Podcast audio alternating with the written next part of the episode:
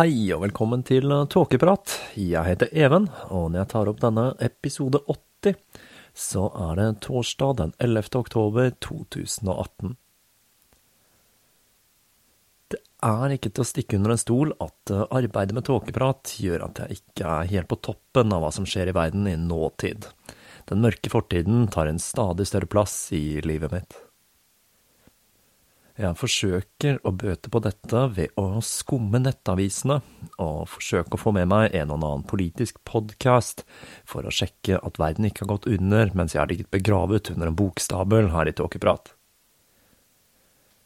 Selv om jeg kanskje kunne oppnå det samme med å stikke hodet ut av vinduet for å se etter lysglimt og røyksopper i horisonten.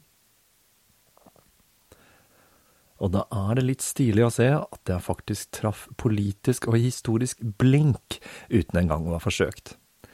Nylig så ble det klart at årets fredspris gikk til Dennis Mukwege og Nadia Murad for deres kamp mot bruk av voldtekt som våpen i krig, og som et virkemiddel til systematisk undertrykkelse av folkegrupper.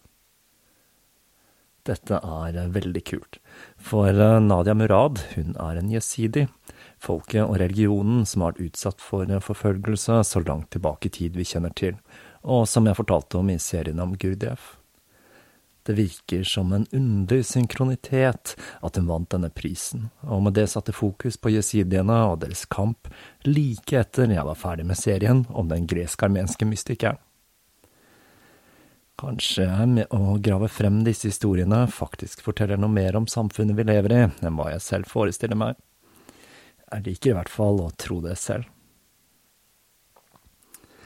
Så da er det vel bare å gratulere de to fredsprisvinnerne. I år så har denne prisen virkelig gått til to personer og en sak som fortjener ekstra oppmerksomhet i verdenssamfunnet. Da er vi kommet til den andre enkeltstående episoden før jeg hiver meg over en ny serie. Dette blir på samme måte som fortellingen om ørnen, en kortere episode, men denne kan i det minste skilte med seriedrap og kannibalisme. Jeg har også bestemt meg for å gjøre en liten rotasjon i høstens tematikk, så etter denne episoden så vil det bli en 14 dagers pause før jeg kaster meg over et tema som har potensial til å bli en av de mest omfattende seriene så langt her i Tåkeprat. Og for å sparke i gang denne, så drar jeg rett og slett til skogs, for da å fordype meg ytterligere i tematikken. Men bare så det er sagt, denne turen inkluderer ikke kannibalisme, så dere kan ta det helt med ro. Hva er det som fenger oss slik med kannibalisme? Bare ordet vekker assosiasjoner hos de fleste. Det vekker en slags primalfrykt i oss. Historisk så har vel kannibalisme i stor grad dreid seg om rituelle handlinger, enten det dreier seg om å spise fiendene sine for å ta styrken deres, eller som det å spise sine avdøde slektninger, sånn som de pleide å gjøre på Papua New-Guinea. Denne lekre tradisjonen førte til spredning av kuru, som er en prionsykdom, på samme måte som Jacob Kreutzfeldt syndrom. Hvis eh, dette ikke er naturens måte å si at kannibalisme ikke er ok på, så vet ikke jeg. Men det finnes mange eksempler der man valgte å spise døde som et resultat av sult. Her tenker jeg selvsagt på rugbylaget som har variert i Andesfjellene, og så seg nødt til å spise sine egne for å overleve. En traumatisk hendelse som senere ble filmatisert i suksessfilmen Alive og ikke minst Donnerfølget, gruppen med amerikanske nybyggere som kjørte seg vekk i snødrevet på vei til California, og som endte opp med å spise opp hverandre. I filmen og litteraturens verden så finner vi også mange kannibaler. De fleste er vel kjent med Nattsvermeren av Thomas Harris, en fortelling som ble udødeliggjort i 1991 med Anthony Hopkins i rollen som Hannibal Lecter. Selv så vokste jeg opp i VHS-ens gullalder, og det kommer vel ikke som noe sjokk på dere lyttere at jeg er forholdsvis bevandret i klassiske skrekkfilmer. Og kannibalfilmer, det er en helt egen sjanger av skrekkfilm, med titler som Cannibal Holocaust og Cannibal Ferox. Der vi satt på gutterommet og så den dårlige kopien av Cannibal Holocaust, med vandrehistorien om at eh, denne filmen inneholdt scener av ekte drap i bakhodet, så satte dette sitt helt egne preg på ungdomstiden.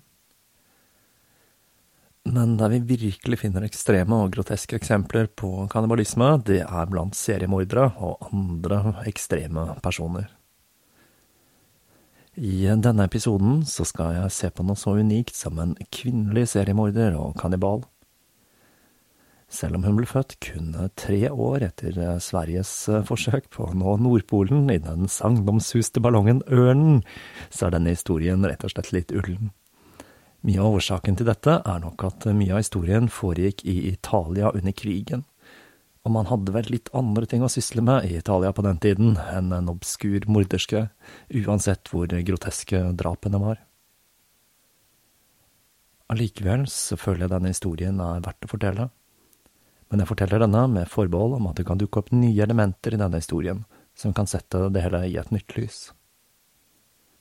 Så langt så er det dette vi vet om Leonarda Cianciulli, også kjent som La Saponificatrice di Correggio eller såpekokeren fra Correggio.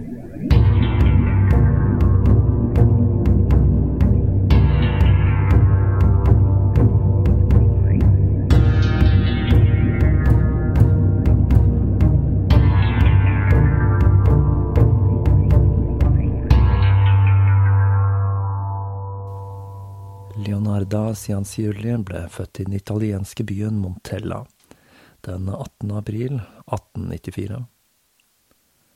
Hun var av romanerslekt og kom absolutt ikke fra et lykkelig hjem. Leonarda var et resultat av en voldtekt, og moren hadde blitt tvunget til å gifte seg med overgriperen sin. Når faren døde og moren giftet seg på ny, så ble livet i husholdningen enda grimmere for den unge Leonarda. Moren klaget kontinuerlig på datteren, og dette førte til to selvmordsforsøk i oppveksten. Familien hadde planlagt å gifte henne vekk til en ung mann med lyse framtidsutsikter, men Leonarda gikk imot foreldrene og giftet seg med en offentlig ansatt, Rafael Pansardi, i 1914. Dette førte til at moren hennes ble rasende, og Leonarda skulle senere hevde at moren hadde forbannet ekteskapet deres. Men det unge paret lot ikke Leonardas familie ødelegge ekteskapet og i 1921 flyttet de to til hjembyen til Rafael, Loria, for å komme seg vekk fra familien hennes og starte med en ny tilværelse og bygge seg et nytt liv i litt mer oppbyggelige omgivelser. Så vidt man vet, så levde de to et ganske ordinært liv sammen de første årene, men Leonarda måtte sone en kortere fengselsstraff i 1927, da hun ble dømt for bedrageri.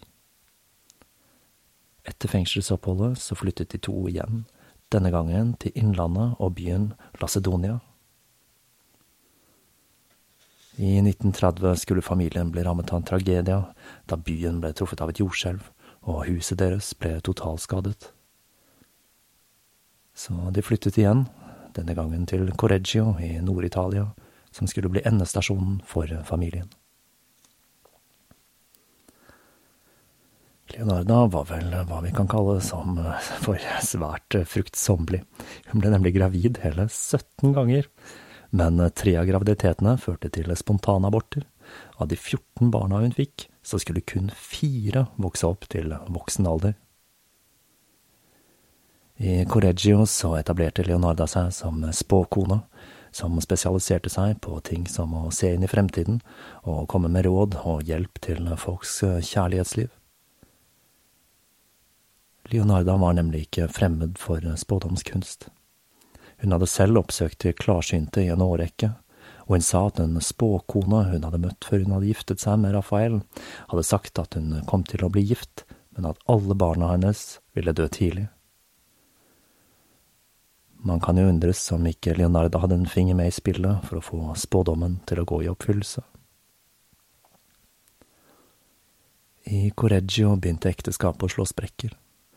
Rafael begynte å drikke, og var verken i stand eller villig til å finne seg en jobb, så til slutt så kastet Leonarda han ut av huset. I hvert fall var det slik det skjedde ifølge henne selv, for Rafael forsvant sporløst etter dette, Og med tanke på hva denne damen skulle stelle i stand senere, så er det jo lett å tenke seg at Rafael muligens forsvant på annet vis. Leonarda var svært overbeskyttende overfor de fire barna hun hadde igjen, spesielt den eldste sønnen, Giuseppe. Når Italia begynte å ruste opp med utbruddet av krigen, og Giuseppe ble kalt inn til hæren, så gikk det ei kule varmt for Leonarda. Hun fikk det for seg at den eneste måten hun kunne beskytte sønnen sin på, var å ofre mennesker. En kanskje ikke helt rasjonell slutning, men det er nå slik hun fortalte historien selv. Hun begynte å se seg om etter potensielle ofre hun kunne ta livet av for å beskytte sønnen mot mørke krefter. Og det var slett ikke vanskelig for Leonarda å finne passende ofre blant klientellet sitt. Den første som skulle bli et offer for Leonarda, var Faustina Setti, en 73 år gammel peppermø, som til tross for å ha tilbrakt det meste av sitt voksne liv alene, fremdeles ikke hadde gitt opp håpet om å finne kjærligheten. Hun oppsøkte Leonarda for å få råd, og det skulle vise seg å være en særs dårlig idé. Etter flere konsultasjoner og tarotlesninger fortalte Leonarda Faustina at hun hadde funnet en passende ektemann for henne i Pola, en italiensk provins på den andre siden av Adriaterhavet. Dette dreide seg om en eldre, velstående herremann som var på jakt etter selskap.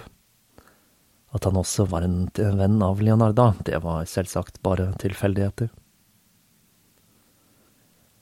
Leonarda viste Faustina en serie med brevkorrespondanse med denne mannen, og med det så overbeviste hun henne om at denne mannen faktisk eksisterte, og hun begynte å forberede seg på å møte han i hans hjemby.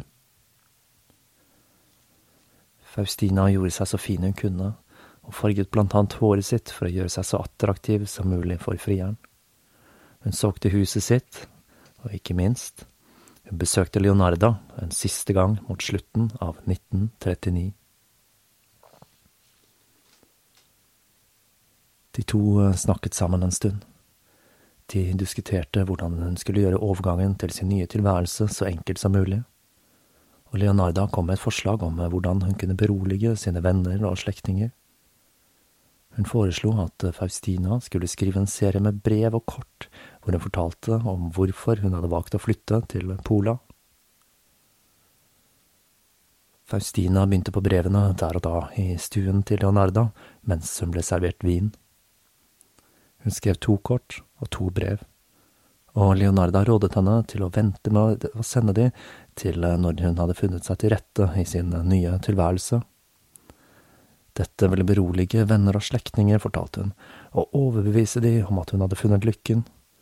Og det ville også gjøre det mindre sannsynlig at noen ville forsøke å stoppe henne fra å inngå ekteskapet som ble arrangert så plutselig med en ukjent mann.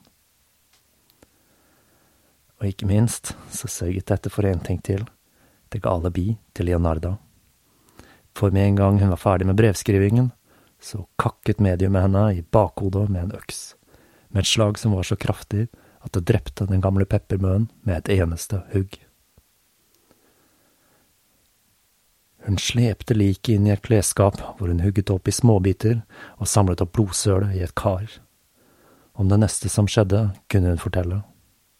Jeg blandet likdelene med syv kilo kaustisk soda jeg hadde kjøpt for å lage såpe. Jeg rørte det hele til delene løste seg opp og ble til en tykk, mørk suppe. Jeg helte over i flere bøtter som jeg tømte i en septiktank i nærheten. Jeg ventet til at blodsølet som var til overs, hadde koagulert, før jeg skrapte det opp og tørket det i ovnen. Jeg malte det og blandet det med mel, sukker, sjokolade, melk og egg, i tillegg til margarin, og eltet det hele til en deig. Av denne blandingen lagde jeg sprø tekaker som jeg serverte til klientene mine. I tillegg spiste både jeg og Giuseppe av kakene.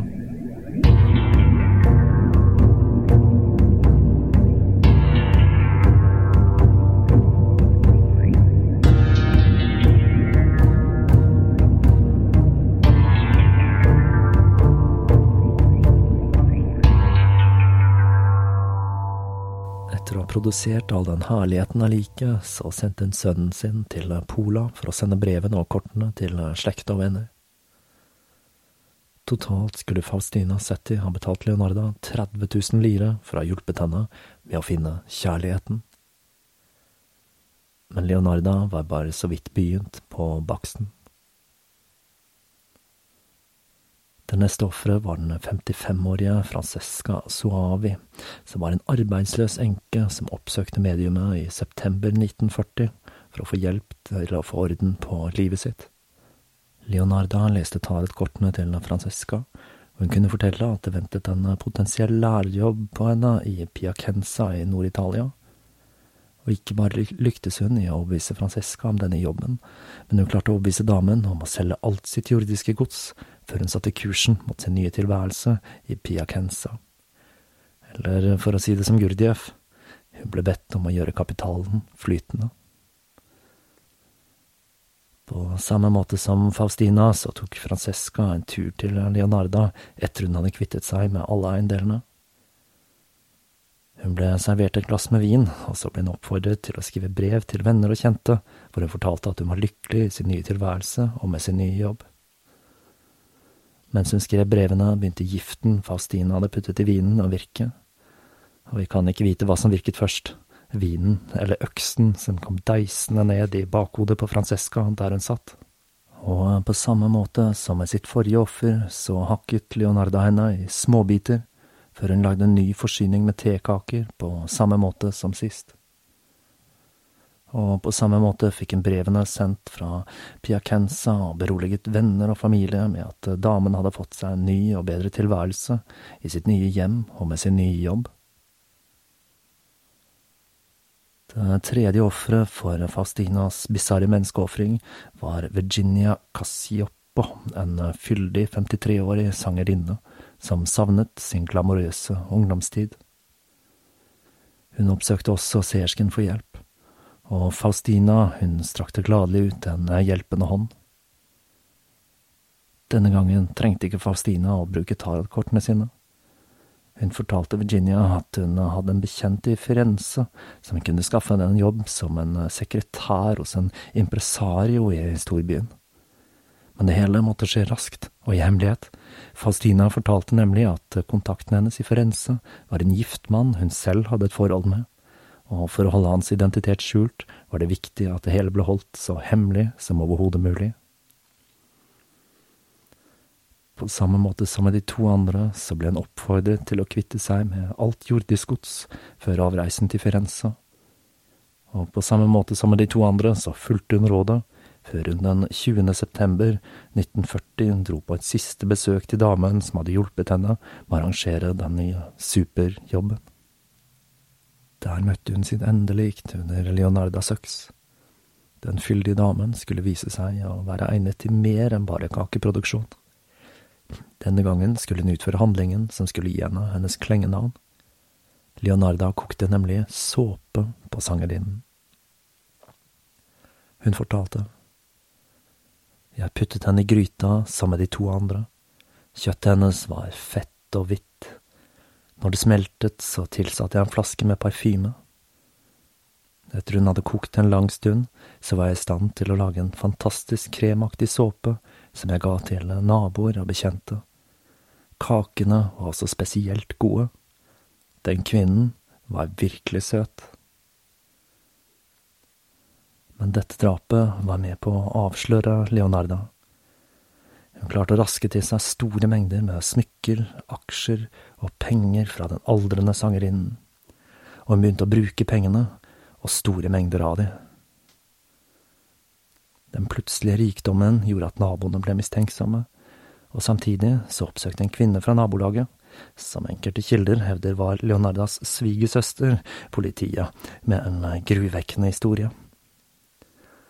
Hun fortalte at hun hadde sett Virginia gå inn i huset til Leonarda.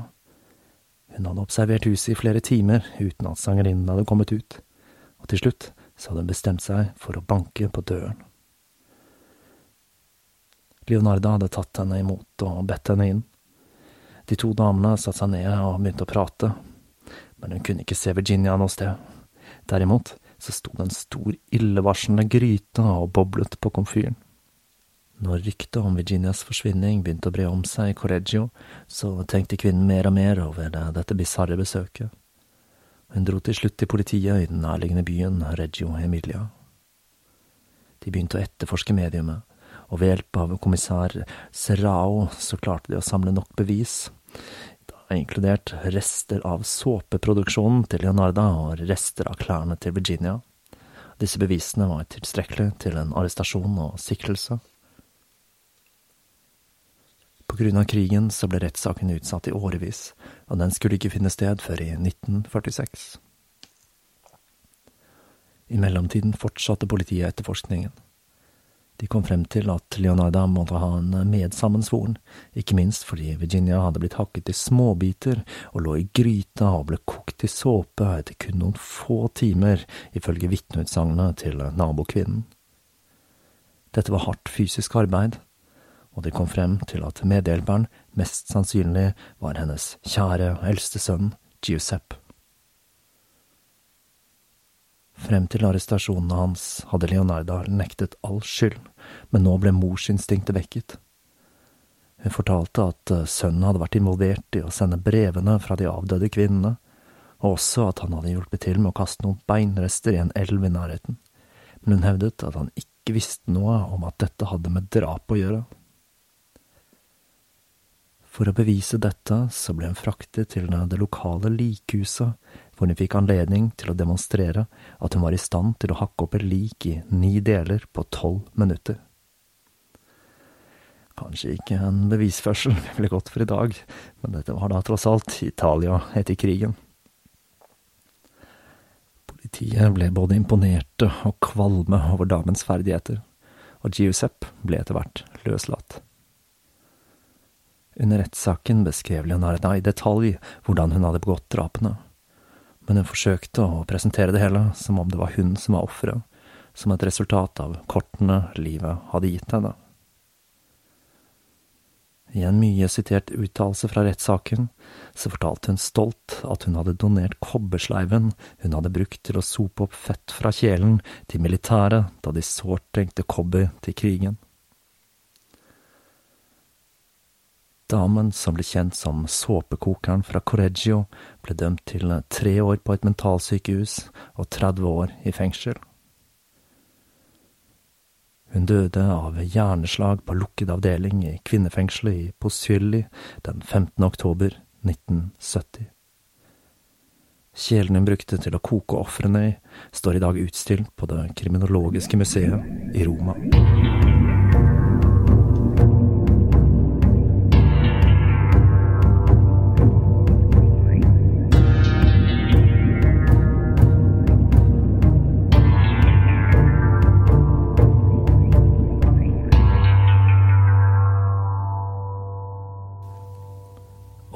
Det var historien om såpekokeren fra Correggio. En forholdsvis sprek dame, det der. Det vi kan lære av denne historien, er vel å passe seg for overbeskyttende mødre fra Italia med en svakhet for tarot, såpe og kaker. I ettertid har livet hennes, som vel må kunne sies å ligne en opera, inspirert både film og teater. Vi får vel håpe at jeg ikke traff historisk og politisk blink med denne fortellingen også. Da blir det altså et 14 dagers episodeopphold her i Tåkeprat, mens jeg fordyper meg i det neste temaet. Om jeg bestemmer meg for å gå for det jeg har tenkt til, så kan jeg røpe såpass at det dreier seg om en person jeg har hatt planer om å fortelle historien til i lang tid, og også en av de mest etterspurte etterspurte karakterene her i Tåkeprat. Det dreier seg igjen om det okkulte, og en person som gjorde mye ut av seg. Dog ikke så mye som vår poet Bohem Crowley med sine ekstreme eskapader. Så mens dere lurer på hvem jeg klarte å grave fram fra historien denne gang, så kan dere få et lite hint med disse strofene fra en av de største dramatikerne gjennom tidene. Like a hell broth boil and bubble, double, double, toil and trouble, fire, burn and cauldron bubble, cool it with a baboon's blood, then the charm is firm and good.